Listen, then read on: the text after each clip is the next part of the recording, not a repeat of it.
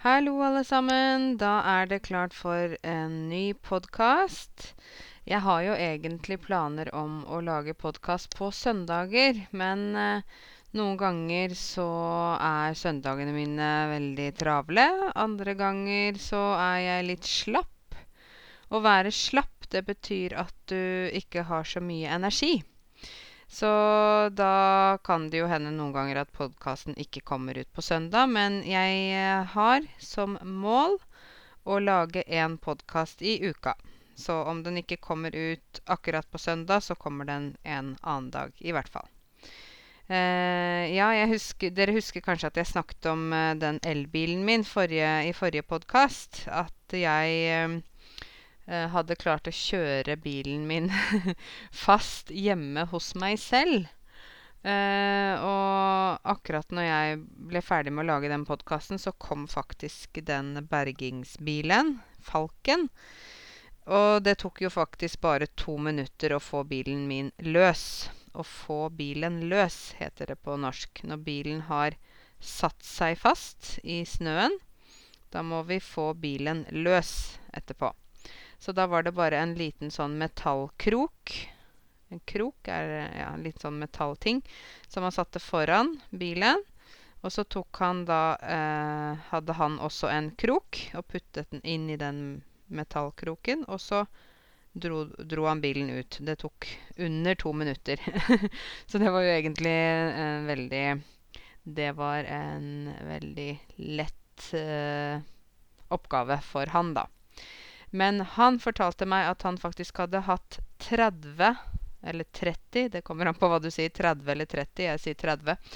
30 turer med bilen eh, fordi det var så mange biler som hadde kjørt ut. Og så mange biler som hadde satt seg fast. Så han måtte få bilene løs. Og han hadde jobbet fra klokka sju. Og når han kom til meg, så var klokka elleve, tror jeg. Og natta før så hadde han jobba fra klokka seks om morgenen til klokka halv fem og, og neste morgen. Nesten 24 timer. Uh, så han fortalte meg at han var veldig sliten, men han var glad fordi han uh, visste at han kom til å få en veldig uh, god lønning, for det ble mye overtid. Og så er det jo sånn i Norge at eh, når vi jobber overtid um, Det er litt forskjellig fra arbeidsplass til arbeidsplass, og det kommer litt an på hva slags kontrakt man har. Men hvis man har en fulltidsjobb, fast jobb, 37,5 timer i uka, eller 40 timer i uka, det kommer an på om du har betalt lunsj eller ikke.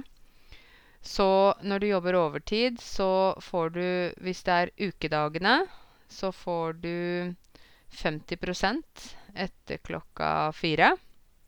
Så det betyr at uh, hvis vi tar et enkelt eksempel, da. Hvis din timelønn er 200 kroner, og hvis du da jobber overtid, da får du pluss 50% så det betyr pluss 100 kroner, ikke sant? Så da er timelønnen din 300 kroner på overtid. Uh, uh, andre arbeidsplasser gir de ansatte 100% overtid uansett. Så det betyr at eh, du da ville fått 400 kroner per time.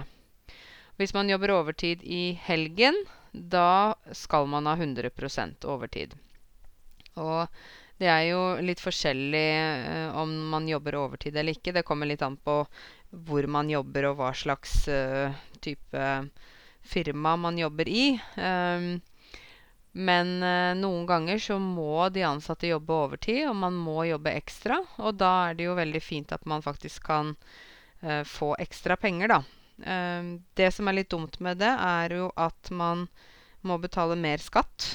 Eh, ofte må man betale nesten 50% skatt på det. Så Norge er jo ikke det letteste landet å bli rik i, i hvert fall. Det skal betales skatt på alt. Absolutt alt. Men eh, hvis man jobber overtid i perioder, så kan man eh, tjene bra. Jobber man veldig mye overtid, slik at man tjener veldig mye, da kommer man over det som heter toppskatt. Og toppskatt, det ligger på Jeg husker ikke nå i hodet, men det ligger på rundt 550 000 eller noe sånt. Så hvis man tjener over det på et år, da må man betale mer skatt. Da må man betale 9% ekstra skatt. Og det er jo veldig kjedelig, da, hvis man først faktisk har uh, jobbet og jobbet og jobbet, eller hvis man har hatt en ekstra jobb, ikke sant, og så uh, kanskje man har jobbet mye fordi man ønsker å kjøpe uh, leilighet eller noe sånt, og så må man da betale 9% på toppen av det. Så de fleste betaler jo rundt 36% skatt. Det er litt forskjellig fra person til person, da. Men eh, 36% er det som er vanlig, og de som har da tabelltrekk Tabelltrekk er, det er en tabell hvor man eh, ser på hva man har tjent, eh, fordi man tjener forskjellig fra måned til måned. Og så hvis man da for eksempel da har tjent 17 000 da skal man betale eksempel 3000 i skatt. Hvis man har eh, tjent 40 000, så skal man betale ja, 17 000-18 000 i skatt. Det er forskjellig. Men det er ingen tvil om at vi betaler mye skatt i dette landet her. Og det er mange som sier Åh, Karense, det er så mye skatt. Det er ikke noe gøy å jobbe i Norge. Man får jo ingenting tilbake på kontoen. Og jeg kan jo si meg enig i det. Fordi at det er utrolig mye penger vi bruker på skatt. Um, og vi må på en måte Alle må betale skatt. Og jo mer du tjener, jo mer skatt må du betale. Det er litt sånn Robin Hood. vi tar fra uh, de rike og gir til de fattige. Ja, ikke de fattige akkurat, da, men vi gir tilbake til samfunnet, da. Uh, personlig så tenker jeg jo at toppskatten er veldig lav. Ikke sant? 550 000, eller hva det er. 560 eller 70. Og hvis man kommer over det, så er det 9% ekstra. Altså jeg tenker at toppskatten egentlig bare bør gjelde de som øh, tjener veldig mye mer. Altså de som da har kanskje en million i lønn eller noe sånn kjempehøyt beløp. Øh, som da vil øh, gjøre at de er i en egen gruppe. For jeg kjenner jo mange som ikke er rike, men de jobber bare veldig hardt og har to og tre jobber.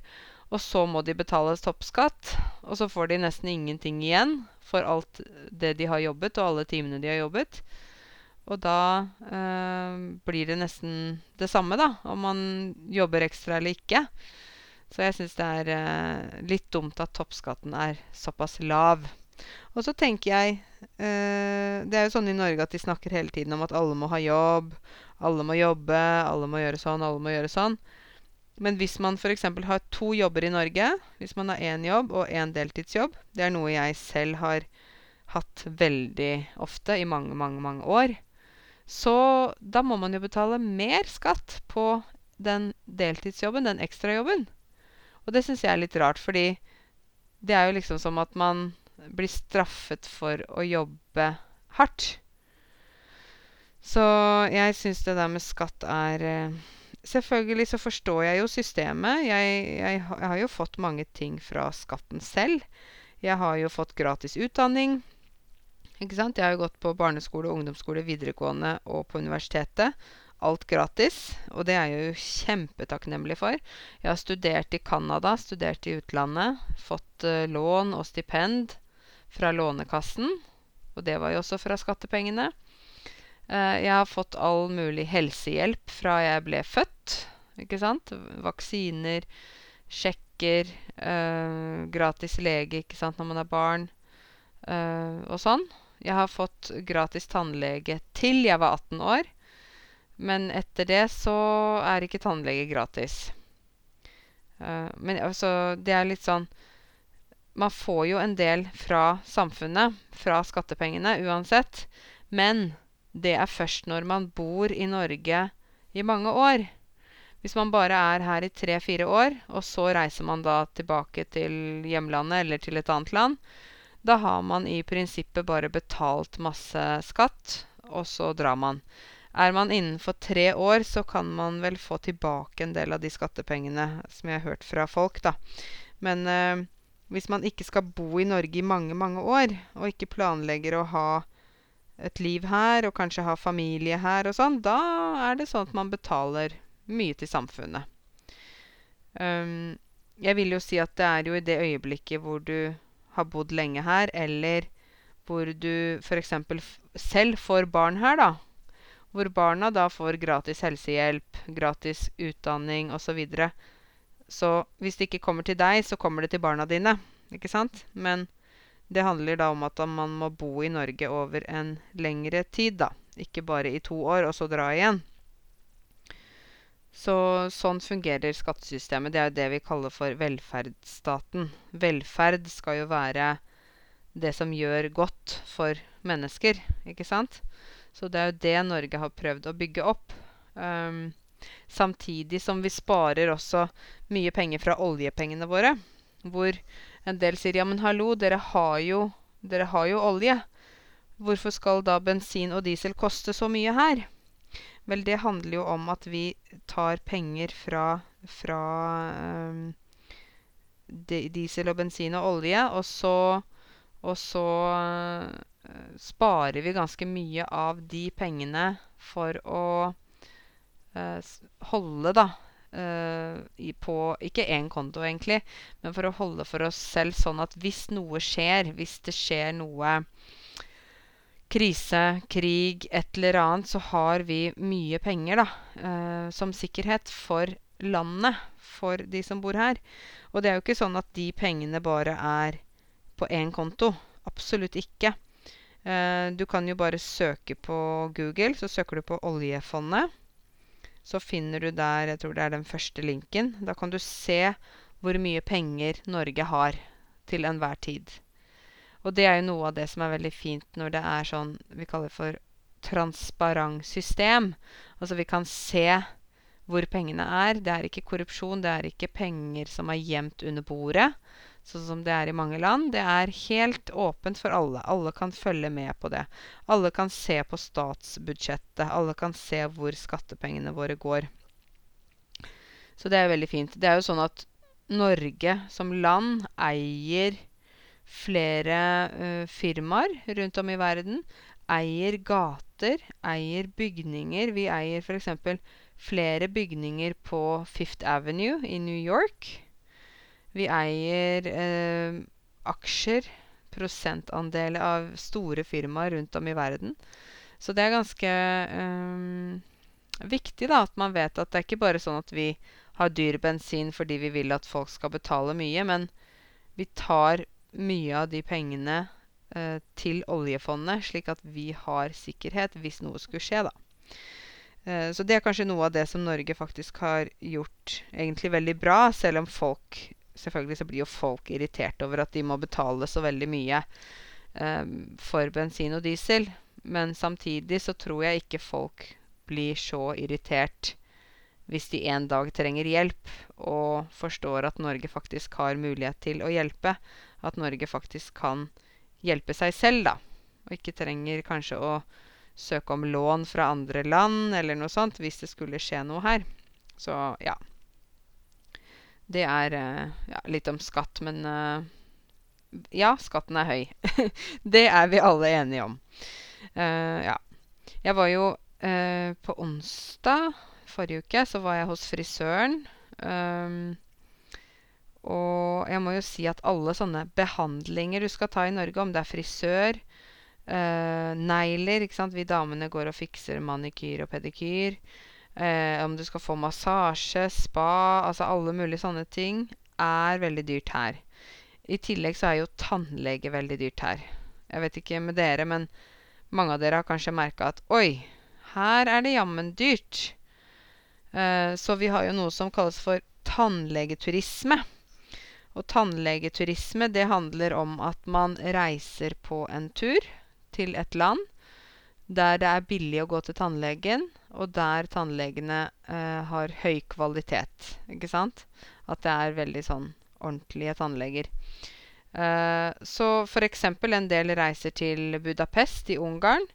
Da tar de en helg der. De reiser kanskje på torsdag.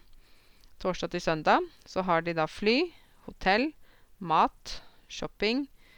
Eh, alt mulig sånt. I tillegg til tannbehandling hva de skal gjøre. Det kan være at de må bytte en tann, eller at de borer fordi de har hull i tennene, eller et eller annet. Og prisen på alt dette her, med fly og hotell og mat og shopping og alt, den blir da mindre enn hva man ville betalt i Norge for bare behandlingen.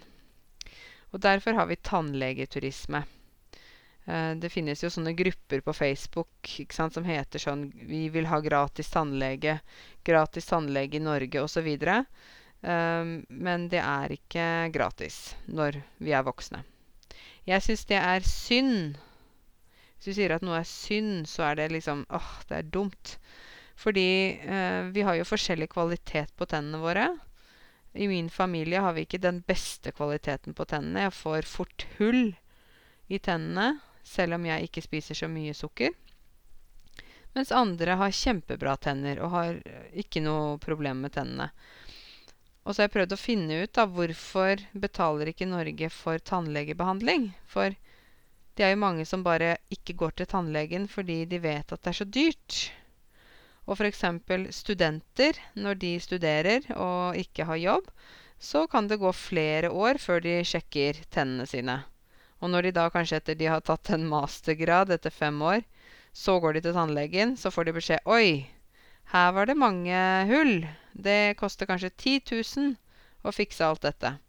Så får de sjokk, ikke sant, for det er jo så mye penger. Så jeg syns at det der med tannlege, det burde vært gratis her i Norge, altså. Det er, det er ikke så mange mennesker vi har her. Det er jo ikke 100 millioner, det er jo bare 5,3. Så jeg tenker at Norge burde klare å betale for det, da. Men uh, ja. Jeg har lest et sted at nei, men staten sier at når du er voksen, da må du selv ha nok kunnskap om hvordan du passer på dine tenner. For da har du gått til tannlegen hele livet. Du har fått beskjed om hva du skal gjøre. Du skal pusse tennene. Du skal bruke tanntråd. Du skal bruke flor. Du skal pusse morgen og kveld. Og hvis du som voksen ikke klarer å passe på dine tenner, da må du betale for det selv. det er jo sånn en, en del tenker, da. Men igjen så er det jo dette med kvalitet på tenner. Noen har bra tenner, noen har dårlige tenner. Så ja. Jeg er ikke enig med Norge om at vi ikke har gratis tannlegebehandling. Jeg syns vi bør ha det. Um, apropos tenner, egentlig ikke om tenner, men om mat. Jeg var På fredag så var jeg og spiste på et sted som heter Habibi i Oslo. Det er en restaurant med palestinsk mat, eller så arabisk mat. Uh, jeg møtte der gamle kollegaer som jeg jobbet med på den forrige skolen jeg jobbet. Og det var jo veldig hyggelig, da. Da møttes vi og uh, spiste middag. Spiste sånn arabisk mese. Mese betyr jo egentlig bord, bare, da. Men vi Ja. Uh, så hadde vi eh, Snakka sammen og spurte litt hvordan det går med alle, og fikk liksom oppdatert statusen. og det var utrolig hyggelig. Uh, og på Habibi der så har de sånn palestinsk mat. Jeg har spist såpass mye arabisk mat. Palestinsk, libanesisk, syrisk osv. Så, videre. så for meg så er ikke den maten der det beste fordi jeg har smakt enda bedre, ikke sant? Men det er ikke så lett å finne sånn kjempegod arabisk mat i Norge ennå. Det finnes noen steder, men uh, ikke helt perfekt. men jeg tror etter hvert at det vil åpne flere og flere restauranter da, rundt om, egentlig. Nå er det jo sånn at folk er jo Altså nordmenn har blitt veldig internasjonale. De spiser jo alt av mat, ikke sant? Jeg kan jo gå ned i byen, og så kan jeg spise mat fra hele verden. Sånn var det ikke for ti år siden. Så det kommer mer og mer. Nå er det liksom helt vanlig å spise indisk og spise thai, spise sushi, eh, spise eritreisk mat eller eh, ja, arabisk, somalisk eh, Kinesisk har jo vært i mange år. Ja, vietnamesisk. Så det er jo fordi vi reiser mer også. Vi ser mer. Vi blir kjent med folk fra hele verden. Vi uh, får erfaringer. Vi smaker på mat. Vi gjør sånn og sånn og sånn. Så, og da blir det jo også mer vanlig, da. Ikke sant? Alt må jo være en første gang for alle. Så jeg tenker at det er jo veldig veldig fint når man kan eh, lære om forskjellige land, og også smake på forskjellig mat. Så kan man jo virkelig bli rikere på opplevelser. Og det er fint. Dere, i dag hadde jeg møte med en flink dame som heter Karin Ellis. Hun er helt norsk. Um, hun er uh, IT-ingeniør, altså dataingeniør. Har jobbet over 30 år med, som dataingeniør uh, i forskjellige firmaer. Og hun har skrevet en bok som heter 'Kunsten å arbeide med nordmenn'. Uh, og den handler egentlig om dette med å jobbe med nordmenn. Hvordan er det å jobbe med nordmenn? Uh, og jeg syns det var veldig hyggelig å møte henne. Vi snakket om uh, samarbeid, hvordan vi kan kanskje samarbeide, jeg og henne. for hun har laget den boka egentlig ikke for å tjene penger, for man tjener jo nesten ikke penger når man er forfatter, når man skriver bok, så sant man ikke heter Dan Brown eller en av disse store forfatterne, da. Men eh, hun ønsker også å uh, formidle. Å formidle betyr å fortelle på en spennende måte. Hun ønsker å formidle sin kunnskap om arbeidslivet i Norge, normer og regler. Normer, det er jo regler som ikke er skrevet noe sted, men det er noe som alle vet. Ikke sant? Hun har skrevet om kulturelle koder. Hun har skrevet om hva du bør gjøre, hva som du ikke kan gjøre. Hva eksempel, hva betyr det når en nordmann sier kunne du, kunne du ringt til Thomas? Hva betyr det? Det betyr ikke 'kunne du ringt', det betyr 'ring til Thomas'. Ikke sant? Det er ikke så lett å forstå at 'kunne du ringt til Thomas'? At det betyr 'ring'. Ikke sant? Fordi det høres jo ut som hun spør vil du ringe, eller har du mulighet til det. Og kanskje du ikke har tid, og så ringer du ikke. Ikke sant? Eh, eller for eksempel eh, Det hadde vært fint hvis du sendte den e-posten i dag. Så at når nordmenn sier det 'Det hadde vært fint hvis du sendte den e-posten i dag', så betyr det 'Du må sende den e-posten i dag'. Men de bare sier det på en veldig sånn forsiktig måte, fordi de, de vil ikke høres så veldig sånn tøffe ut, da. Ikke sant? Men da er det jo veldig vanskelig for folk fra andre land å forstå hva vi egentlig mener når vi snakker i koder. For alle nordmenn forstår at Altså hvis jeg får en beskjed 'Karense, kunne du ringt denne studenten i dag?' Hvis jeg fikk den beskjeden. Da forstår jeg at OK, jeg må ringe nå. Det er ikke et valg. Det er ikke et spørsmål om jeg vil ringe eller noe sånt. Det er at jeg må. Så hun Karin Ellis heter hun. Karin Ellis. E Karin Ellis. E-L-L-I-S. Hun har da skrevet bok både på norsk og på engelsk. Den norske heter 'Kunsten å arbeide med nordmenn'. Og den andre heter uh, 'Working with Norwegians', eller noe sånt noe. Uh, hun selger bøkene sine på Amazon. Um, koster rundt Ja, med porto tror jeg det koster rundt 300 kroner. Så det er ikke så veldig dyrt. Men jeg tror det er en bok som kan hjelpe mange. da. Folk som jobber i Norge nå, og folk som har jobbet i Norge, skal komme tilbake hit. Folk som ønsker å finne jobb i Norge. Eller folk som nå jobber ikke sant, og ikke forstår alle kodene blant både sjefen og de ansatte. Så er det veldig nyttig å kunne ha en sånn type eh, bok som kan gi litt hjelp, da. Så jeg tror nok at jeg kommer til å lage en video der jeg snakker om hennes bøker, og viser hvor man kan kjøpe de. Men jeg vil nok anbefale dere, i hvert fall dere som jobber, eller dere som snart skal begynne å jobbe, så kan det være veldig bra. Det er jo en bok som Jeg så på den i dag, og det ligger på mellom B1 og B2-nivå, så det har jo et høyt nivå. Men allikevel så er det noe som det går jo an å ta litt og litt, da. Lese litt og litt. Så jeg vil anbefale dere å kjøpe den boka. Da. Det er ikke så veldig mye penger, men det kan være stor hjelp, rett og slett. Jeg gleder meg til fredag denne uken her, for da skal jeg og tre venninner Vi skal på Farrisbad i Larvik. Farris, dere kjenner kanskje den uh, sånn mineralvann. Vann med kullsyre. Vann med gass. Farris som man kan kjøpe på butikken. Det er jo Farris er en sånn kilde med vann, altså som er inni jorda. Og så er det da blitt laget et uh, spa som heter Farrisbad. Det ligger i Larvik. Og der er det, ikke sant, kan man få massasjebehandlinger, svømme i basseng, ta boblebad, ta badstue, uh, ansiktsmaske Altså alt mulig sånt. Så jeg skal dit med tre venninner. Da skal vi være der fra fredag ettermiddag til lørdag ettermiddag. Sove der på hotell og bare kose oss. Så det gleder jeg meg veldig til. Det blir veldig, veldig deilig. Det er jo veldig bra for kroppen å ta noen sånne behandlinger innimellom.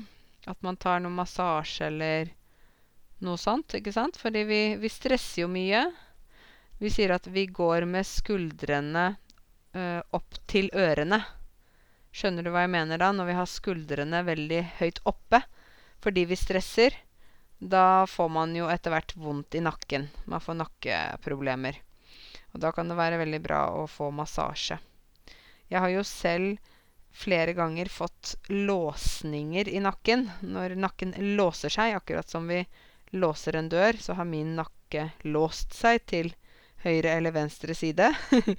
og da kan jeg nesten ikke komme ut av senga, fordi at eh, nakken min er, er, helt Jeg kan ikke bevege hodet. Um, men nå har jeg ikke så store problemer med det. Men når jeg jobba på kontor, og når jeg studerte, så fikk jeg ofte veldig vondt i nakken. Og da var det eneste som hjalp meg, det var å gå til kiropraktor. Og kiropraktor er jo da dere kjenner kanskje til det. De som knekker. ikke sant? Tuk, tuk, tuk, tuk, tuk, i, uh, de knekker i leddene. De jobber ikke så mye med muskulatur, men de jobber med ledd. Vi har jo ledd i mange ledd i kroppen. ikke sant? F.eks. i nakken har vi mange ledd, og ryggraden. Og hvis disse leddene låser seg, så kan det være veldig vanskelig å bevege uh, på kroppen, da. Jeg har jo en flink kiropraktor og han sier til meg at vet du hva, det som er så fint med min jobb som kiropraktor, det er at jeg ser forskjell. Altså, det kan komme inn her en mann eller dame som kommer i rullestol. Rullestol, ikke sant, når man sitter sånn Man sitter i en stol med hjul. De ikke kan gå. De kommer inn i rullestol og går ut. Ikke sant? Og det kan jo være da at ryggen er helt låst. Sånn at man ikke klarer å gå. Uh, og hvis kiropraktoren da knekker opp Vi sier det knekke opp leddene, uh, og, og, man på en måte åpner, da, da kan man gå igjen. Og det er jo veldig fantastisk, egentlig. Jeg tror det må være et veldig hyggelig yrke, da. Mm. Jeg vet ikke om dere er vant til å gå til fysioterapeut eller massasje eller et eller annet sånt, men kroppen trenger jo det. Um, her i Norge er det jo et stressende liv, men ikke så stressende som mange steder i verden. For på jobb så jobber vi jo 37,5 timer. Vi jobber jo ikke f.eks. Eh, altså ti timer hver dag, tolv timer hver dag. Det går ikke. Da må du Da må sjefen spørre deg om du kan jobbe overtid, og så svarer du ja eller nei. Det er ikke sånn at det, sjefen kan si til deg 'du må jobbe overtid'. Fordi det er jo faktisk ditt valg, da. Det er det som er kanskje det store forskjellen mellom Norge og mange land. At her så betyr ikke at en sjef har all makt. En sjef har bare en annen tittel enn deg, eller andre oppgaver. Men det betyr ikke at sjefen er bedre enn deg, eller ja. Sjefen er faktisk øh, like viktig som de ansatte. For uten de ansatte så har ikke sjefen noe business. Og da, da kan han heller ikke gjøre noe suksess, da. Ikke sant? Um, dere har jo prøvd å se litt sånn hva som er nytt i nyhetene, og det er jo aldri så veldig spennende. Jeg syns jo det er så mye negativt og trist, egentlig. Uh, men det er jo Ja, jeg har jo sett annet Det har vært en stor sak denne uka her nå at uh, uh, det er Høyre, Frp og Arbeiderpartiet som vil stoppe eh, søskenbarn til å gifte seg. Søskenbarn betyr jo da fetter og kusine. Eh, for de sier at eh, det er såpass mange, som, mange barn som får noe problemer pga. det, fordi de er ehm, Ikke sant? Hvis, de, hvis fetter og kusine får barn, så kan det gå bra. Men det kan også bli noen komplikasjoner fordi DNA er tett, ikke sant? Nært. Um, så disse tre partiene, da, Høyre, Fremskrittspartiet og Arbeiderpartiet, de vurderer å, å lage et forbud. Et forbud betyr noe som ikke er lov. Altså lage et forbud mot dette her, da. Jeg vet jo ikke helt hvordan det blir, men ja. I mange land så er det jo vanlig å gifte seg med fetter og kusine eller tremenning. Uh, tremenning, det betyr da hvis f.eks. din mamma og, uh, har en kusine, ikke sant? Mammaen din har en kusine. Din mamma har barn. Deg kanskje og en bror eller søster. Og så har kusina til mammaen din Hun har også barn. Så de barna, altså du, og barna til din mammas kusine Så det er Ikke sant? Det blir tremenninger. Tremenning. På engelsk sier man 'second cousin'. Jeg vet ikke hva man sier på alle språk, men jeg må jo fortelle at jeg husker da jeg gikk på Det var ungdomsskolen. Så var det en venninne av meg som hadde blitt så forelsket i en gutt. Han gikk ikke på skolen vår, han gikk på en uh, annen skole i en annen kommune. Og så hadde hun kommet hjem og fortalt uh, foreldrene 'Å, jeg er så forelsket. Jeg har funnet en kjempekjekk gutt som jeg gjerne vil være kjæreste med.' Og så spurte moren 'Ja, ok, så hyggelig. Hva heter han, da?' Og hun fortalte 'Nei, han heter Vegard. Han kommer fra Jeg husker han kom fra Hokksund, da. Det er jo da 20 minutter unna der jeg eh, kommer fra. Åmot. Han kommer fra Hokksund, og han spiller fotball, og han er veldig Han er ett år eldre enn meg. Det fortalte denne venninna mi, da. Fortalte mammaen sin. Og så sier den mammaen Å ja, ok, men hva heter moren til Vegard, da?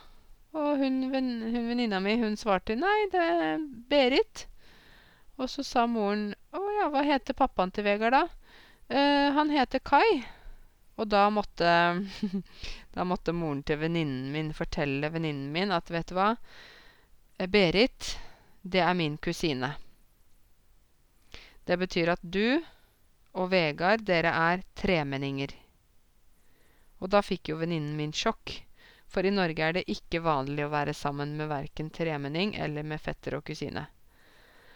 Så da øh, ble hun helt sjokkert, og så var hun så forelsket. Så sa hun 'Ja, men mamma, jeg er jo så forelsket i Vegard.' Og da sa, da sa moren hennes 'Ja, men øh, han er din tremenning. Han er i familie med deg.'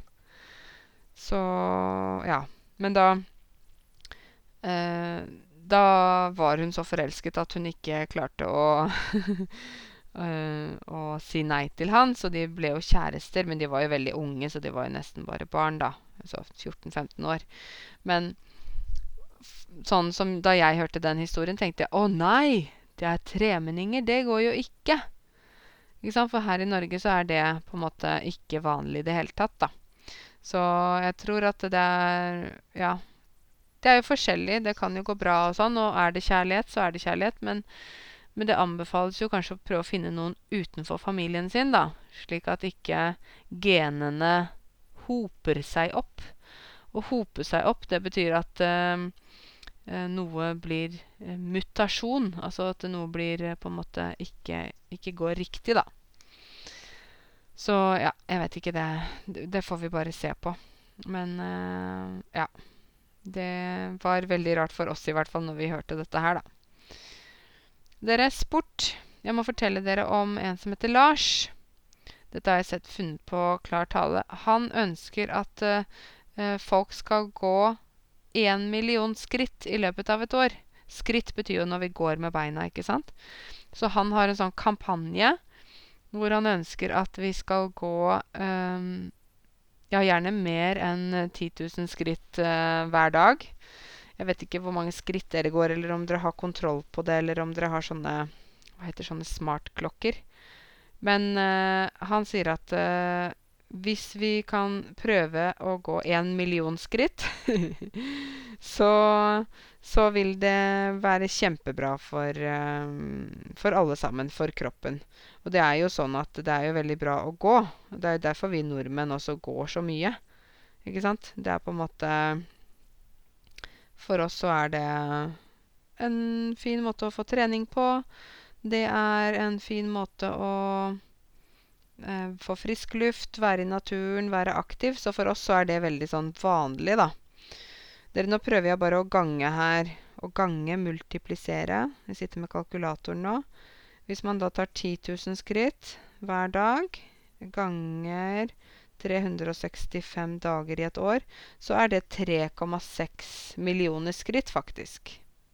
Og man anbefaler jo at, at man går 10 000 skritt minimum hver dag. Så egentlig så tenker jeg han Lars, som da sier at han vil at folk skal gå 1 million skritt, så tenker jeg at det er absolutt mulig. Um, hvis man er litt aktiv, går på tur, går litt på jobben, går til bussen, går til skolen, går til jobb, så får man fort 10 000 skritt. Men man må jo være i bevegelse. Man kan jo ikke bare sitte som en sofagris. Husker dere det begrepet som jeg har uh, fortalt dere om før? Sofagris. En sofagris er en som bare sitter på sofaen. Uh, man kan jo ikke gjøre det. For da vil man ikke få noe skritt, og da vil man jo heller ikke få god helse. Så det å F.eks. hvis du tar bussen. Hopp av bussen to stasjoner før du skal gå av. Så istedenfor at du går av på akkurat den riktige stasjonen, så kan du hoppe av og hoppe av, gå av, eller hoppe av. Hoppe av bussen to stasjoner før, øh, og så går du da litt mer istedenfor å ta buss og bare sitte hele veien. For alle monner drar, heter det. Dette er et idiom. Alle monner drar, sa musa og tissa i havet. Har dere hørt det? Um, alle monner drar, sa musa og tissa i havet. Det betyr at små ting hjelper. Dere vet hvis en mus tisser i havet, det betyr at det er jo ingenting som kommer fra musa. Ikke sant? Uh, hvis en mus tisser, så er det bare kanskje én milli, milliliter, eller Men det er noe. Så vi sier da Ofte korter vi den ned, så sier vi 'alle monner drar'. Det betyr at litt hjelper. Så hvis man går uh, litt mer enn hva man pleier å gå, så er det sånn at alle monner drar. Alt hjelper. Det hjelper på helsa, det hjelper på formen. Det gjør at du kommer bedre i form, du blir ikke så sliten og trøtt osv. Så, hva tror dere? Skal dere prøve å være med på den kampanjen til han Lars og gå 10 000 skritt hver dag? Eller har du et mål 7000 skritt? Det kommer jo an på. Noen går jo veldig mye. Jeg pleier å gå kanskje rundt 20 000 skritt hver dag. fordi at jeg har en hund, og fordi jeg da går veldig mye tur med henne, selvfølgelig. Så da blir det mange skritt. Men lørdag og søndag, da er jeg noen ganger litt slapp og litt lat. Og da gidder jeg ikke å gå så mye på tur. Hvis jeg ikke går på skitur, for da går jeg mye. Men det er litt forskjellig fra, fra uke til uke og, og sånn. Men uh, alle sammen, prøv å være i bevegelse. Gjør noe for helsa di. Vi har bare én kropp. Vi har bare ett liv. Så hvis vi ikke klarer å eh, gjøre det bra for vårt eget liv og vår egen kropp, så, så vil vi få dårligere livskvalitet, ikke sant? Så det må vi passe på. Dere, nå har jeg snakka og snakka og snakka. Det er jo ikke noe vanskelig for meg å snakke mye. det har dere kanskje merka. Men, uh, men, jeg tenker at uh, disse podkastene blir jo bare sånn uh, vanlig altså, jeg prater om vanlige ting. Jeg prater om uh, livet mitt, prater om ting jeg har gjort. ikke sant? Forteller dere noen ganger om noen ting med Norge. Historie eller kultur eller uh, Sånn som i dag har jeg jo snakka litt om arbeid. Jeg snakka litt om skatt. Så det blir en god blanding. Men jeg tenker at det å kunne lytte til noe istedenfor å se på, bare se på YouTube-videoene, så er det også fin trening for å trene seg til å forstå norsk bedre, da. At man ikke trenger å alltid ha tekst eller å måtte se på noe eller spørre noen, men bare det å høre på dette her, så eksponerer du deg selv for språket. Du er i kontakt med språket. Og det skjer mye også i underbevisstheten din. Altså eh, det skjer mye i hodet som du ikke merker. Du kjenner ikke at du lærer, men du lærer. Så derfor så er det alltid veldig bra med sånn type passiv læring, da, som dette her er. Så dere, jeg ønsker dere en fortsatt god uke, og håper dere tar vare på dere selv og går masse tur. 10 000 skritt hver dag, OK? Eh, jeg eh, gleder meg til fredag. Snart er det spa. Men eh, først må vi jobbe litt, alle sammen. Så god uke, og vi snakkes. Ha det bra.